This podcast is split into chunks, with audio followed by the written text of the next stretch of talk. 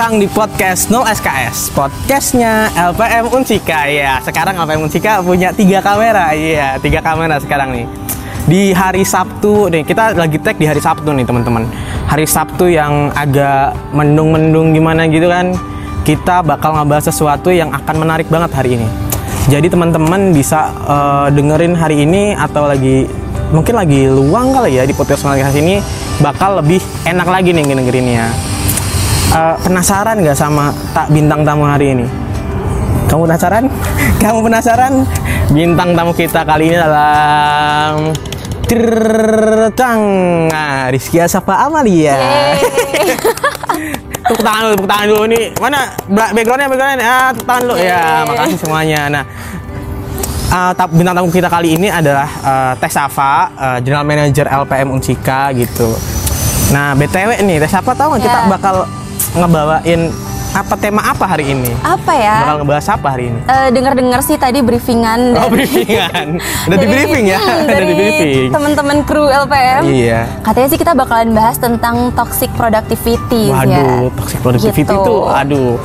Kamu, kamu, kamu nanti bakal apa ya? Bakal ngedengerin nih podcast kita tentang toxic productivity gitu. Tapi eh, dari awal dulu deh. Toxic productivity nih. Menurut Teh Sapa tuh toxic productivity tuh gimana sih Teh?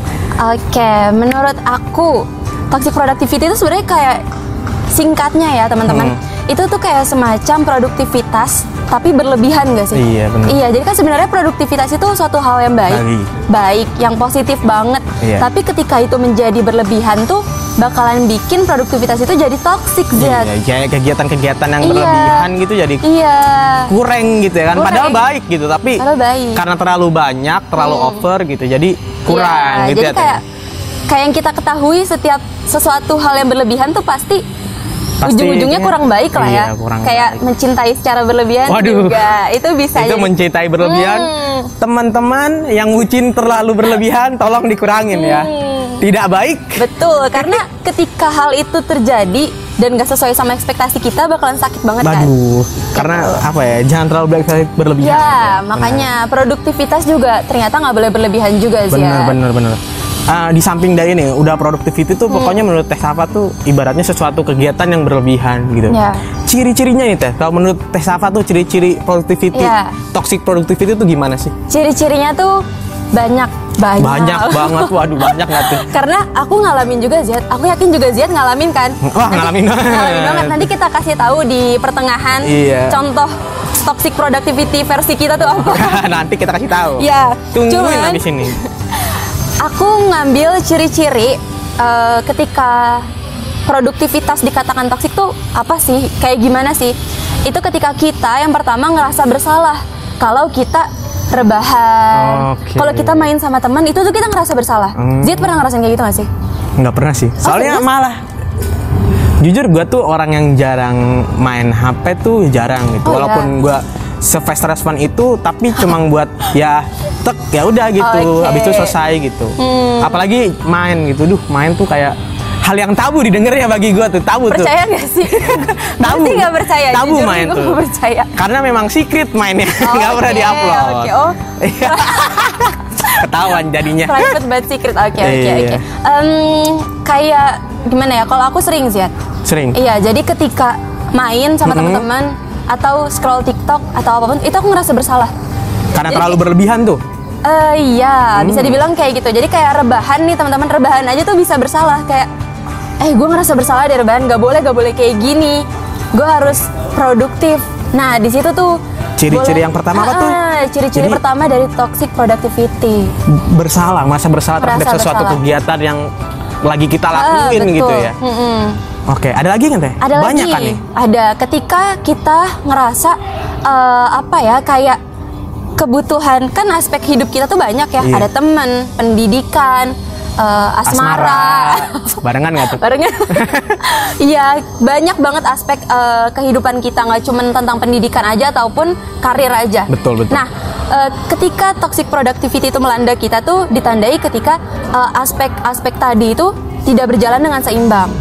Jadi Oke. eh, apa ya berat sebelah ya? Ada yang dominan salah Betul, satunya. gitu. betul, Berarti itu. yang kedua ini adalah as- salah satu aspek dari kehidupan kita yang terlalu berlebihan. Betul. Kayak contohnya ketika kita eh, terus-terusan belajar atau terus-terusan kerja ngejar karir, itu ternyata eh, bisa aja menurunkan aspek lain kayak ternyata kita jadi eh, kehidupan sosial sama keluarga, sama teman-teman itu jadi terhambat karena kita terlalu fokus sama karir kita kan bisa ya kayak betul. gitu Ah, sih ya. betul banget, betul ya banget. itu bisa dibilang toxic productivity teman-teman. Oke, itu Gitu. ciri-ciri yang kedua tuh.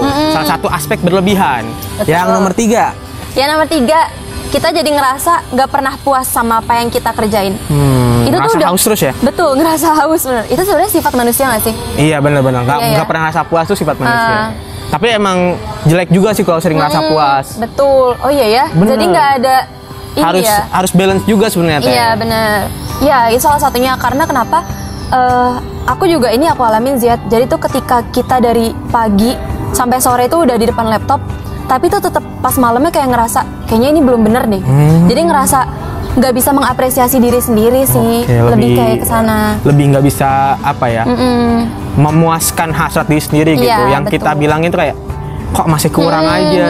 Jadi gitu ya. ketika masih kurang itu kan kita akan terus ngejar ya, Oh, akan terus terus ngejar ngejar. Dari situlah toxic productivity itu terjadi. Nah, Gitu, berarti ada toxic. adalah sesuatu hal yang nggak bisa berhenti berhenti nih. Betul, nagih tapi bikin nagih. capek. Tadi nomor satu itu sa- merasa bersalah terus. Betul. Nomor dua itu salah satu aspek di dalam kehidupan yang berlebihan. Betul. Yang nomor tiga ini tadi tuh apa teh? Lebih kayak Lebih ke kayak eh, gimana ya? kitanya tuh ngerasa nggak Oh puas iya, sama ngerasa diri nggak pernah kita. puas Hmm, dengan sama diri sendiri Hmm, gitu. betul. Nggak bisa ngapresiasi diri sendiri lah ya. Betul kayak gitu. Ada nomor empat nih teh. Nomor empat, apalagi ya? Mungkin itu sih yang aku rasain ya. Tiga faktor ini. penting itu ya? Tiga faktor pentingnya itu. Ciri-ciri yang Ciri-ciri yang benar. teman-teman harus ngerasa kayak, eh kayaknya gue udah toxic deh, gitu. Jadi kalau udah ngerasa di situ tuh harus di apa ya? Kayak ditinjau lagi nih produktivitasnya. sesuatu yang berlebihan, Hmm. sesuatu hal yang emang kita ngerasa nggak puas, mungkin harus dievaluasi lagi ya. Teh. Betul, evaluasi. Aduh. Tadi Kan sebenarnya tuh evaluasi ya? sering banget kita evaluasi tuh. Hari ini tuh ngapain aja? Iya, Sebelum tidur iya. tuh, aduh evaluasi banyak Bener, gitu bener, ternyata. bener, bener, bener. Jadi gue pengen nanya juga teh tentang tuh? contoh kegiatan. Tapi Contoh. kayaknya tadi tuh udah Apa tuh? dibahas nih.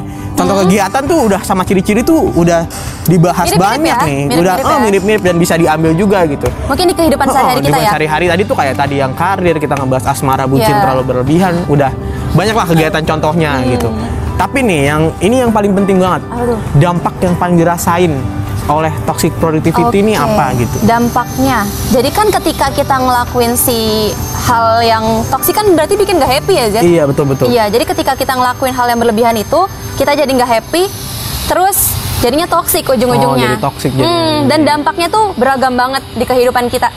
Ternyata kayak benar-benar berpengaruh itu. Dampaknya ada dampak eh, yang sifatnya ke kesehatan kita, Hmm. sama yang ke mental, fisik ya, kesehatan min- fisik sama mental. fisik sama mental jadi Iya. dampaknya tuh bisa ke fisik ataupun mental nih. Betul. ini juga bisa di pertanyaan selanjutnya Hmm. nih teh pertanyaan aku juga selanjutnya bakal uh, spesifik lagi Apa tuh? ini dampaknya buat kesehatan nih mungkin Hmm. kalau secara mental ya, nggak ujung-ujungnya itu sih stres Iya. paling ya Hmm. Eh, yang paling sering tuh paling stres dan bisa menyebar ke mana-mana nih tapi kalau kesehatan tuh yang paling biasa ditemuin apa Oke, kalau dari aku sendiri, eh, ketika kita belajar terus-terusan nih depan laptop atau ngerjain tugas seharian full, itu dari aku pribadi tuh sering banget yang namanya lupa makan. Oh, lupa makan. Ya, jadi udah nih diingetin, ayo makan, ayo makan. diingetin sama siapa dulu nih Aduh. ada deh, ada Oh, iya, deh. diingetin ya. Kamu ngingetin aku makan Enggak, juga? soalnya Oh, kalau udah gede tuh jarang gitu orang tua yang ngingetin kan. Masa Jadi sih? kayak enggak. Sapa, kamu makan yang kecil tuh kayak jarang banget gitu. Masa Tapi kalau uh, someone atau Nah. seseorang yang biasa disayang tuh kayak kamu Iya, udah iya, makan iya. lu. Makasih ya yang udah ngingetin aku makan. Makannya pakai apa? Nah, itu tuh. Gitu. Iya kayak gitu. Jadi alhamdulillahnya masih ada yang ngingetin Mm-mm, makan. oke, oke. Tapi ya itu balik lagi ketika ngerasa gini Zed kayak eh, aku ngerasa makan tuh buang waktu. Kalau di rumah ya, itu kalau di rumah buang waktu teh makan tuh. sebenarnya bukan buang waktu sih kayak ah kalau gue makan ini nanti lama selesainya. Oh iya gitu. iya iya. kayak Iya. Jadi kayak menunda pekerjaan yang padahal itu apa ya? Hmm. Padahal itu kebutuhan Padahal itu primernya kebutuhan, lah. iya, primer. Khususnya gitu. Kalau Yang- eh, kalau lu nggak makan padahal lu nggak bisa ngerjain itu Iya, gitu. Nah. karena kan ketika sebenarnya balik lagi ya mikir ketika gua nggak makan, yang selesai itu bukan tugasnya, yang lain malah yang Iya, yang selesai yang lain. Asam lambungnya selesai. Iya itu, terus juga jadinya tuh eh, jadi males ke kamar mandi pernah gak sih? Gua Oh, tuh jadi ditahan-tahan tuh? Iya, ditahan. Ditahan-tahan tuh. jadi udah nyaman banget duduk ngerjain tugas depan laptop. Ketika di kamar mandi tuh nahan sampai 5 menit, 10 menit, 30 menit sampai sejam terus ujung-ujungnya tuh perutnya sakit. Hmm, Oke. Ah, ah, asam lambung naik, nahan pipi. Perut lagi tuh, perut iya, lagi perut ya. lagi kena. Aduh. Tapi gitu emang sih. biasanya juga kalau asam lambung tuh nyebar ke mana-mana nggak sih? Iya sih. tipes atau mungkin panas. nah Ah, itu mual-mual juga ide ikut. Waduh. Iya Jadi kalau satu perut tuh biasanya Kena banyak semua. kayaknya kena semua tuh. Antibody lah kena apa segala macem. Nah, Eh, jadi kayak gitu deh. Tapi ada juga dampak yang eh, tadi ya mengacu ke kehidupan sosial kita Ziat. Ketika kita fokus, juga iya, sosial nih. adanya juga. Jadi kayak kita tadi fokus sama tugas kita, sama karir kita, kerjaan kita, tapi kita itu waktu sama eh, quality time sama keluarga tuh jadi kurang. Sering kayak gitu gak sih? tadi karena memang kita apa ya? Satu aspek berlebihan, Iya. jadi yang lain Betul, iya. nih, kayak teman, Iya, teman. pacar, mungkin, Iya, jadi- yang lainnya aspeknya nggak ikut. Iya, itu sih dampaknya. Jadi bisa jadi ada temen yang ngerasa, iya apaan sih lo sibuk banget, lo sibuk terus gitu. Karena itu tadi kita terlalu toksik sama apa yang kita kerjakan. Jadi ya gitu deh. Tapi aspek temennya gini, jadi hmm, kalau misalnya kita kan ngomongin udah diomongin tadi semua ya sosial kena betul. stres uh, atau mental, Mental kena. kesehatan juga kena Ya. berarti nih karena tadi gue bilang menanggulangi ya tadi tips Nah, menghindarinya betul. Oke, Karena kita udah tipsnya. tahu nih kita udah tahu ciri-cirinya kayak gimana Hmm. kita juga udah tahu nih apa ya yang tadi ya apa namanya yang bakal kena tuh apa gitu dan kalau udah kena tuh nanti kayak gimana gitu nah tipsnya biar nggak toxic productivity tuh kayak gimana? Oke, tipsnya ini pasti yang ditungguin sama teman-teman di rumah kan. Jadi tipsnya eh, aku punya apa ya kayak ini sih aku juga lagi ngelatih ini juga sih Ziad. Jadi kita sama-sama eh, coba tips ini bareng-bareng karena eh, ada yang ampuh sama ada yang masih aku proses untuk aku lakuin lah kayak gitu. Jadi yang pertama teman-teman itu bisa eh, melakukan namanya teknik belajar Pomodoro. Pernah dengar gak sih? nggak pernah kan Ah ya itu Pomodoro Pomodoro, bukan Podo.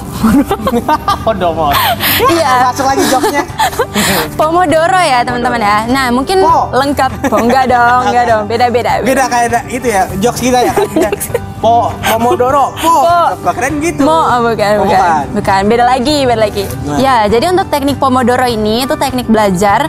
Eh, mungkin tadi teman-teman bisa cari lebih lengkapnya di eh, sini. Ya, enggak. Ya, di Google cari Di Google Google. ya kali di bawah sini kasihan editor udah tiga kamera iya Iya pusing, ganti, pusing. ganti pusing nanti Iya. Jadi teknik Pomodoro nih, Zat. Ah. Itu teknik belajar di mana kita tuh membagi waktu eh, belajar kita.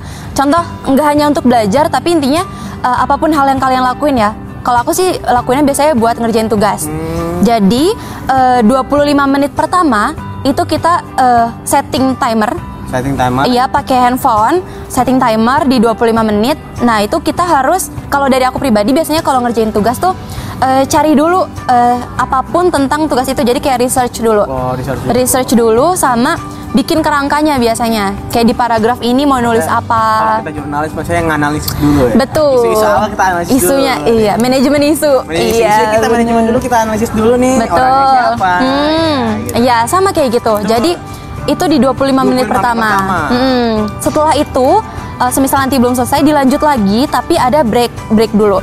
Breaknya itu aku biasanya di 5 menit doang. Jadi ketika timernya udah bunyi di titit 25 menit, itu aku 5 menit uh, berikutnya aku setting timer lagi, itu aku istirahat. Tapi istirahatnya bener-bener dari HP. Nah ini yang belum aku bisa lakuin. Benar Iya, jadi 5 menit itu seharusnya istirahat bener-bener istirahat tanpa handphone, nggak pegang handphone. Jadi biasanya tuh kayak ya ngapain aja deh, mau ngambil minum kek, mau kamar mandi tadi ya, benar benar benar Heeh, mau bengong itu terserah. Jadi setelah 5 menit selesai, kita baru lanjut lagi. soalnya gini teh Apa? tuh kalau misalnya nggak megang HP orang bilang gini kayak kayak orang di goa nah itu tuh biasanya tapi ya nggak tahu ya atau Iya. emang perubahan zaman atau kayak Hmm. gimana orang-orang jadi eh, edik banget sama HP Iya sih, iya. Jujur aku pun kayak gitu. Jadi kayak masih sulit banget. Nanti ada nih di tips berikutnya ya, Oke, kita lihat. Oke. Nah, si jadi 5 menit selesai, break. Nanti kita lanjut lagi Ziat di 25 menit berikutnya. Lanjut lagi 5 menit istirahat sampai 25 menit lagi baru kita istirahat yang agak lama di 45 menit atau mau sejam pun boleh gitu. Jadi kalau aku sih waktunya tuh uh, setting timernya terserah aku, tapi konsisten. Jadi kayak misalkan 25, 5, 25, 5, ntar yang terakhirnya baru sejam atau 45 menit gitu. Itu jujur aku pernah ngelakuin beberapa kali dan efektif. Efektif. Efektif. Jadi kayak uh, itu tergantung niat lagi ya, balik-balik. Heeh. Niat dulu yang penting Niat. mah. Mm-mm. Nawa itu. 25, 15 niat Nah. yang penting. ya, jadi emang kalau nggak niat pun ya susah. Nah, betul sih. Niat Balik lagi ke benar. individunya. Kayak gitu. Nah, selanjutnya ada nih tadi Ziad udah singgung tentang eh, kalau nggak ada HP kayaknya gimana ya kayak Iya, benar, kayak di goa banget gitu. Orang-orang tuh pada edik banget. Nah, kecanduan ya. Canduan. Tercandu-candu. Bareng lagi tuh candu-candu gitu. Ya. Tercandu-candu. Oh my Kenapa god. harus terngiang-ngiang gitu di Hmm, otak gue iya. Mana jokesnya itu mulu lagi Gak apa-apa. Mungkin teman-teman juga nanti akan tercandu-candu sama Iya. kita setelah ini. Tapi nggak? untuk tips yang sebelumnya ya, teh, Hmm. berarti kalau teman-teman nih, teman-teman kalau mau pakai tips yang tadi, Hmm? eh, selain 25, kalau teman-teman seraknya misalnya 15 Hmm. gitu. Eh, itu boleh aja sih karena sebenarnya kalau teknik pomodoro yang eh, aku terapin ya sebenarnya nggak harus ajak ya tapi konsisten yang tadi aku bilang Heeh, tapi eh, balik lagi kan tingkat fokus kan ada yang bilang ya Ziad kalau kita tuh fokus manusia sebenarnya tuh kayak cuman 30 menit pertama setelah itu buyar. Biasanya gitu ya. Iya, betul, betul. dan itu juga berlaku di aku sih kayak udah kalau udah belajar satu jam 45 menit itu tuh jadi nggak efektif Udah jadi kayak banget, iya udah depan laptop malah jadi ngehalu atau apa kan sering kayak gitu ya sih Ya main HP langsung. Iya, bener. Scroll TikTok kayaknya enak ya. Iya, jadi kayak bener-bener nggak terkontrol. Jadi itulah kenapa aku pilih 25 eh, 5 menit gitu. Jadi kayak balik lagi ke teman-teman kalau mau 30 5 menit ya boleh. Oke, next lanjut nomor 2. Oke, nah tadi ya nomor 2 kita balik ke eh HP, edik HP. Iya, edik HP itu cara ngatasinya dengan namanya digital mini- minimalism atau puasa sosmed. Nah, sulit ya. sulit buat Jujur li sulit. Hmm, Karena- kayak kayak apa ya? Ya, Gak sosmed bisa. Ya, sosmed nggak kita kita nggak bisa mungkiri lagi gitu teh. Informasi Iya. yang kita dapat rata-rata semua itu dari sosmed. Betul. Instagram, Instagram. WhatsApp eh, yang kebutuhan sehari sebenarnya Iya. WhatsApp kebutuhan sehari-hari ya. Iya, buat Eh, chatting ya. sekarang eh, grup kelas ada di Hmm, betul. WhatsApp ataupun mungkin ada pemberitahuan kelas, Hmm, pemberitahuan benar. tugas, WhatsApp ataupun Google Classroom tetap Hmm, memakai iya. handphone gitu. Apalagi eh, mungkin yang kurang seharusnya Instagram atau TikTok ya. Iya, Walaupun ya. Instagram biasanya pintu informasi sekarang Instagram Iya, banyak. iya sih, benar. Gitu. Twitter juga ya. Iya, Heeh. Twitter. Wah, banyak sih. Twitter tuh dibuat apa sih? Dibuat Orang-orang Twitter nih biasanya Coba bisa ditanya. Twitter ya kan ayo. biasanya pakai Twitter buat apa? Curhat. Lihat trending. Lihat trending. Lihat trending. Sih. Lihat trending pas. Curhat. Orang-orang tuh gak mau. Kenapa ya follow-followan mutualan Twitter tuh kayak kalau mutualan IG ayo gitu. Kalau mutualan Twitter enggak dulu deh gitu Ha. kayak apa ya? Coba kita nanti dijawab di kolom Dijawab di komentar ya. Coba dijawab coba. Iya. nggak tahu nih kenapa gitu ya kan. Lanjut Gak tahu ya. sih kalau aku sih fine fine aja. fine-fine aja? Heeh. Gak ada masalah yang gimana gimana. Heeh. Mungkin ya. kalau teman-teman. Kalau gua sih gitu. Tapi kebanyakan orang yang gua temuin Hmm? rata-rata kalau mutualan Twitter tuh susah banget. Susah ya. Susah banget kayak orangnya kayak enggak deh Twitter gua tuh isinya cuma curhatan doang. Hmm, katanya sih gitu. Katanya sih gitu. Katanya sih gitu. Nah, tapi gua nggak tahu tuh kayak gimana. Oke, ya intinya sih kalau sosial media susah lah ya. Melepasnya tuh susah banget. Jadi itu kenapa eh, tipsnya dari aku mungkin puasa sosmed. Ini sih sulit banget kayaknya untuk aku lakuin juga, tapi barangkali teman-teman ada yang bisa ngelakuinnya, sok mangga. Jadi eh, caranya tuh Ziat pagi-pagi kita buka handphone, buka untuk eh, ngecek segala macem. Pokoknya lakuin hal yang bermanfaat juga. Nanti di agak siangan itu off entah kalau misalkan menurutnya teman-teman nih ada eh, aplikasi yang memang bikin tercandu-candu. Itu boleh di uninstall. Uninstall. iya di uninstall. Candu-candu tuh ya. Hmm, yang tercandu-candu. Di uninstall nanti eh, setelah itu di menjelang malam itu boleh diinstal lagi untuk teman-teman lihat informasi apa yang sudah terjadi gitu. Jadi kayak Hari ini. Sebenarnya kalau dibilang ketinggalan ya tentu bakalan ketinggalan ya. Cuman ya mau gimana lagi gitu. Menurut aku kalau misalkan kita kebanyakan eh, main sosmed juga nggak akan produktif gitu. Atau bahkan bikin kita jadi ya fokusnya ke situ aja gitu. susah banget sih sebenarnya kalau sosmed ini Informasi kan uh, sekarang kan lebih cepat diterima. ya. Hmm. betul Tapi padahal orang-orang dulu juga perasaan nggak pakai HP fine fine aja. Fine-fine aja. Kayaknya. Iya ya? Iya ya. Apa Nggak yang tahu salah deh. Kita ya. Oh, masalah ini kita. gitu. Ini masih menjadi misteri teman-teman misteri. Karena uh, kecepatan apa ya Hmm. menerima informasi tuh kadang-kadang emang bisa buat orang lupa. Iya benar. Fungsinya apa dan emang harus istirahatnya kapan orang jadi lupa. Betul, kayak gitu. Tips Nah, yang ketiga. nah ini jadi tips yang terakhir dari aku. Jadi kayak apa ya?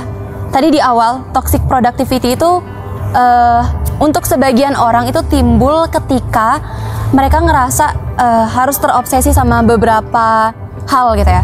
Kayak misalkan terobsesi banget nih mau dapetin dia, oh bukan, mau da mau misalkan terobsesi akan Teman yang lagi Hmm, berjuang berjuang, Semangat. semangat. walaupun di payung ya gitu doang. Ya, misalkan eh, ketika teman-teman terobsesi, lagi terobsesi sama satu hal, itu bisa kayak apa ya? Kita yang jadi pengendal- pengendali eh, emosi kita gitu. Udah kayak eng nih. Eh, oh. Air. Air, Api. Tapi emang kayak gitu ya. Iya. apa pun itu walaupun masih dikendali kita masih kita bisa ngendaliin Hmm. uh, apa ya mengendalilah sebaik mungkin lah Iya, karena- sesuatu dengan sebaik mungkin Betul, karena kita tuan untuk emosi yang ada di dalam tubuh Betul, tubuh kita, tubuh betul diri kita kayak gitu. di notes di notes bawah notes editor tolong Kesian editornya capek. tadi Iya. kan kalau kita tips menghindari toxic juga kita udah nih teh Iya, tadi betul. tips apa ya sebenarnya tips yang selanjutnya nih buat biasanya Menjalani hari-hari ya hari-hari. Supaya produktif. udah masuk juga nih tapi ada lagi nggak teh Ada sih, kalau dari aku ada karena ini beda ya. Hmm, Tadi beda. tips untuk menghindari, si Menghindari toxic, yang ini yang biasanya nih yang Tapi untuk kita lakuinnya gitu. tadi juga kayak udah dimasuk nih apa ya jadi yang biasa dilakuin tuh kayak gitu gitu tadi Betul, ya. Jadi tips yang pertama balik lagi nih untuk supaya kita terhindar dari toxic productivity dan berubah jadi produktivitas yang berkualitas. Mantap. Ah. Mantep. Ya, jadi yang pertama kalau dari aku Ziad, Iya. itu kita melakukan yang namanya eh, bikin to-do list atau journaling. Iya. Nonton pedulis. Iya. Nonton. Nah itu penting banget. Bisa kalian lakuin eh, kalau tipe yang suka nulis bisa dilakuin di notes gitu ya apa namanya? Ya di kertas-kertas. Iya di kertas lah ya, Mm, di notes. Kalau misalkan tipe anaknya yang digital banget, weh itu bisa pakai bisa. handphone, Notion bener, iya tahu. HP juga bisa. Betul, itu udah banyak banget sih sudah aplikasi untuk kita ngelis sama journaling kayak gitu. Jadi itu gunanya di pagi hari mungkin teman-teman bisa uh, nge-to-do list apa aja yang mau dilakuin hari ini supaya tertata gitu kayak sampai di ini ya bangun pagi, sholat subuh, uh, terus apalagi apalagi apalagi sampai siang makan siang gitu-gitu. Oke, yang pertama nih. Kayak gitu. Nomor dua. Ya, tadi tulis sama journaling ya udah. Terus yang kedua, kita itu apa ya? Kayak harus bikin goals tapi yang realistis. Oke. Goal Iya. tujuan untuk hari ini yang Iya, di hari ini. betul. Sampai nanti di malam hari yang tadi kita udah singgung ya, Ziat, evaluasi. Evaluasi. Tujuan. ini ya, ini ya evaluasi. nomor tiga Iya. teh. Nomor tiga karena nomor dua ini adalah tujuan. Kita harus Hmm. tujuan dan kita evaluasi di malam nih. Tujuan kita hari ini yang harus realistis banget kan. Ya. Terus berarti kita harus ke nomor tiga nih teh. Ya, kita harus terapin yang namanya boundaries atau batasan. Batasan. Iya, limit, karena limit. betul limu, limit, limit. limit. tadi tuh kalau dengar limit tuh kayak pinjaman. beda, beda Beda, beda. Iya, kita harus ciptain boundaries, Ziat. Jadi eh, gini ya, mungkin eh, ini bisa dilakuin ketika kita udah banyak banget nih. Kalau aku tuh biasanya sebenarnya nih ya, sebenarnya aku tuh tipe yang udah satu hari dua hari leha-leha, terus di dua harinya itu sadar gitu, Hmm. Oh, sadar. nggak boleh nih kayak gini. Lumayan lama ya teh dua hari ya teh ya. Lumayan lama juga sadar. Iya. Terus eh, setelah itu di hari ketiga baru eh, mencoba untuk produktif yang ternyata jadinya toksik. Karena kan udah ngerasa panik ya di hari-hari sebelumnya tuh nggak ngelakuin apa pun, terus jadi panik karena aduh yang ini belum, yang ini belum, tapi deadline-nya segini gitu. Nah, itu, itu bener, itu. Iya, jadi itu nggak ada yang namanya boundaries atau batasan dalam diri kita. Itu tuh penting banget. Karena itu balik lagi, ketika kita nggak bisa manage dari awal, nanti di akhirnya jadi kelimpungan. Jadi di akhir udah deh jadi toxic productivity-nya. Nah, betul. Gitu. Itu dari awal sampai nomor tiga. Bener. Apa berhubungan tuh Hmm. dari do list juga kita bisa bikin boundaries atau limit kita Iya. sendiri gitu. Ada lagi nomor empat eh, kita harus mindfulness. Mindfulness. Apa tuh mindfulness? Apa tuh mindfulness. Ya, jadi kayak kita harus eh, apa ya terhubung sama eh, kayak kita lebih paham sama diri kita gitu loh. Gitu. Jadi kita harus coba memahami diri kita. Kalau misalkan segini tuh udah deh cukup gitu. Jangan terlalu dipaksain. Kayak tadi ya, Iya, know your mengerti- limits. Lebih mengerti Iya, sendiri. iya betul. Karena sebenarnya itu yang paling sulit. ya. Iya, itu yang paling sulit. Itu Gimana sih cara cari tahu diri sendiri gitu? Nah, jati diri apakah anda masih cari diri ya? Bingung kan kalian masih pusing kan umur 20 ya. Ya gitu. Tapi nggak apa, tenang aja, tenang aja. Cari bareng-bareng makanya tahu Betul. limitnya. Jadi kalau misalnya kalian emang melakukan sesuatu, kalau kalian udah capek, kalian tahu tuh sebenarnya limit kalian tuh udah sampai mana. Hmm. Iya, Gitu. betul. Jadi jangan dipaksain. Oke, kita lanjut selanjutnya Tete. Ya. Kita udah ke mana-mana nih, tips segala macam. Ah, betul. gitu. Tapi manfaat buat Tete sendiri gimana? Manfaat dari uh, tips itu ya, ketika kita udah menerapkan produktivitas yang berkualitas tadi, iya, eh, tentu banyak banget sih manfaatnya. Kita jadi lebih tenang aja sih sebenarnya. itu sih, aku ngerasa kayak jadi lebih tenang. Kita jadi eh, gak akan khawatir sama hal-hal yang menurut kita sebelumnya mengganggu gitu. Tadi ya kecemasan mungkin membandingkan diri kita sama orang lain buka Instagram teman-teman ih keren-keren banget keren banget kan seringnya kayak gitu ya itu yang membuat kita jadi nge-push diri kita untuk terus-terusan produktif yang malah jadi toxic. Itu. Jadi ketika kita mem- eh, coba untuk eh, membetulkan si produktivitas kita tadi itu manfaatnya tentu menurut aku pribadi sih jadi bakalan lebih tenang dalam hal apa pun. Karena sebenarnya ke akhir-akhir ini sih yang dicari bukan kesenangan tapi ketenangan, sih. Ketenangan benar. iya Kesenangan. ketenangan Tidak- Ketenangan kita butuh tenang. ya itu itu tenang Tidur saja Iya. masih kepikiran sesuatu. Iya, iya, makan juga masih balasin chat. Iya, betul. Iya, ya Allah. Oke. Jadi kayak gitu sih. Manfaatnya lebih ke situ ya Teh ya. Iya. Kita tahu gitu gimana uh, kita limit segala macamnya. Hmm. Teman-teman juga bisa ngambil dari tips-tips yang dipakai sama Teh Safa. Betul. Nah, buat yang selanjutnya nih Teh. Tips Iya. Belum itu deh. Ciri-ciri toksik tadi kan udah nih. Hmm. Contoh toksik nih kita kayak belum deh. Contohnya. Ada kan tadi udah. nih. Tadi Teteh bilang nanti di tengah-tengah kita bakal ngasih. Iya ya, tapi kita belum kasih ya. Tapi pengen di akhir. Lupa lupa ya teman-teman. Contoh toksik. Contohnya, mungkin Ziat boleh kasih. Nah sebenarnya hari ini tuh kita toxic nih kayak gitu teman. Tapi sebenarnya enggak sih. Sebenarnya kita ini ngasih ngisi waktu luang nggak sih teh? Ngisi waktu lu Karena emang Sabtu gitu kan, Sabtu tuh weekend dan kita Hmm, kosong. Jadi betul. dan emang kita sebenarnya tuh podcast tag teater minggu kemarin. Iya. Tag apa? Sakit. Sakit, Betul. sakit. Jadi kita hari ini. Karena itu sakitnya penyebabnya Ziat.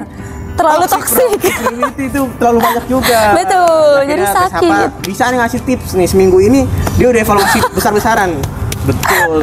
Bener bener bener, jujur li bener. Tapi ya itu uh, yang ngebuat Teh Sapa lebih baik lagi gitu. Iya, buat kita lebih baik lagi. Kan itu kan gak sakit kan gak sering ya Teh. Teteh kan jarang lah bisa dihitung jari. Hmm. Iya, bisa dibilang jarang. Nah, gimana nih cara membagi waktunya kan? Teteh sebagai pemimpin dan juga Hmm. Aduh. uh, kegiatan yang lain nih banyak Ya. banget di luar kan Teteh ikut apa aja. Wah, Wah, banyak banget. itu banyak banget. Bisa dihitung kita kan kalau udah satu tuh banyak banyak. Enggak Ziat juga kayak gitu. Gitu bagi Mana waktunya. ada. Bagi waktunya gimana bagi waktu? Iya, bagi waktu. Ini tips manajemen kali ya, manajemen Iya, waktu ya. manajemen waktu nih. Hmm. Kalau contohnya ya ini kita. Ih, benernya udah aku udah Apa? tips dia manajemen waktu tuh udah aku kasih tahu tahu sama Apa tuh? podcastnya aku bareng Rizka. Serius? Nah, bener ya, tapi kalau Boleh dicek di Wah, Eh, cek di sini. di eh, episode 12. ya, bisa dulu masih ingat. Masih ingat Iya. Episode 12 kalau nggak salah Iya, sih itu boleh, boleh, boleh. Sama Rizka coba dicek di Hmm, oke, itu udah ada. Tapi mungkin dari aku nih, Zat. Hmm. Iya, kan kemarin dari gua nih, dari Teh. Iya, boleh. Jadi eh, tips manajemen waktu dari aku sebenarnya gini ya. Aku ini sering banget ditanyain kayak gini dan sering nanya juga ke teman-teman kayak kalau kamu tuh manajemen waktunya kayak gimana sih? Tes apa manajemen waktunya kayak gimana sih? Sering kayak gitu tuh. Sampai eh, aku ngerasa semua polanya itu mereka bilang, "Iya, aku sih biasanya eh, manajemen waktunya itu dengan cara nga- eh, ngerjainnya tuh satu-satu." Gitu. Nah, tapi menurut aku tuh itu sebenarnya bukan manajemen waktu. Karena ketika ada tiga tugas ya contoh yang harus kita lakukan tiga tiga task gitu.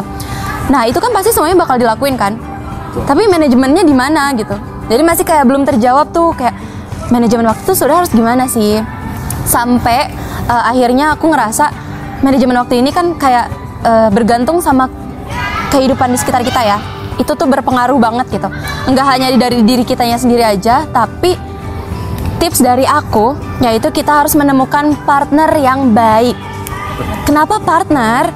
Karena eh, ketika contoh ya mendapatkan partner yang baik nih di LPM itu tuh sangat-sangat membantu bisa diajak kerjasama jadi ketika ada hal yang bertabrakan kayak misalkan tugas kuliah tugas dari rumah dari keluarga dari wah banyak deh magang segala macam ini itu. Tapi ketika kita punya partner yang baik kayak contohnya aku contohin teman-teman di LPM yang sangat bisa diajak kerjasama itu tuh menurut aku jadi akan lebih mudah gitu jadi kayak handle ini dulu ya ini lagi kayak gini gini. Jadi kayak negosiasi negosiasi Lingkungan juga tuh bener-bener mendukung ya? Bener-bener ber- berpengaruh banget buat kita. Jadi kayak kitanya nih manajemen waktunya gimana ya tergantung sama orang-orang sekitar kita gitu. Terus nggak hanya di lingkup organisasi juga teman-teman. Kayak contohnya ini balik lagi ya ini yang mungkin akan lebih mudah dipahami sama teman-teman. Itu di asmara. Jadi ketika hmm, asmara. asmara. Jadi ketika kita menemukan partner yang cocok, itu tuh akan mudah tahu ngejalanin semuanya. Karena aku pernah di mana eh, dapat yang kurang tepat, itu tuh berpengaruh banget gak sih kehidupan kita? Betul, betul, betul. Maksud aku tuh kayak jadi nggak mood ngapa-ngapain. Jadi kayak hari sehari itu cuman isinya galau doang. Kayak akhir-akhirnya tuh malam-malam ngerasa kayak ih bodoh banget gue dari tadi pagi ngapain aja cuman galau doang. ini gimana berarti tes apa nih ngerasa ini di sebelumnya kayak gimana yang sekarang kayak gimana Alhamdulillah. Alhamdulillah ya. Alhamdulillah. berarti sekarang tepat nih ya Amin ya sama-sama. Bismillah. Bismillah. Ya kayak gitu. Jadi eh, ketika nanti nemuin partner yang tepat tuh kayak ya udah kita bakalan tetap fokus kok sama diri kita sendiri gitu. Seperti itu. Kalau partner sih berpengaruh banget sama aku dari menurut aku kayak gitu. closing statement dari tes apa ini udah aja nih Udah aja nih. Kedengeran nggak ya? kita harus dipanggil nih. dipanggil sama Allah buat sholat Iya. closing statement dari tes apa Closing statement Eh, dari aku, masing-masing individu ataupun manusia itu punya waktunya sendiri-sendiri. Jadi kita nggak usah khawatir karena apa yang sudah menjadi takdir kita tidak akan pernah melewatkan kita. Kayak gitu. Jadi tenang aja kayak apa sih yang dikejar? Apa sih yang yang dikejar? Jadi calm aja. Untuk apa gitu? Untuk apa? India semua isinya. Gitu, Iya, teman-teman. gitu. Jadi podcast kali ini pokoknya jangan pernah toxic productivity uh, yang tadi semua udah dikasih tahu tipsnya, ciri-cirinya semuanya. Hmm. Dan juga tahu limit dan batasan kalian. Betul. Dan closing dari tes apa tadi adalah semua orang punya waktunya sendiri-sendiri. Iya. Jadi jangan khawatir. Jadi jangan khawatir. Mungkin ini dari saya dan juga Tes Safa. terima kasih teman-teman yang udah nonton. Apalagi Oke. masih stay tune terus di podcast LPM Uncika, podcast 0 SKS, podcastnya. LPM Unsika. Dadah. Dadah. Pas banget lagi.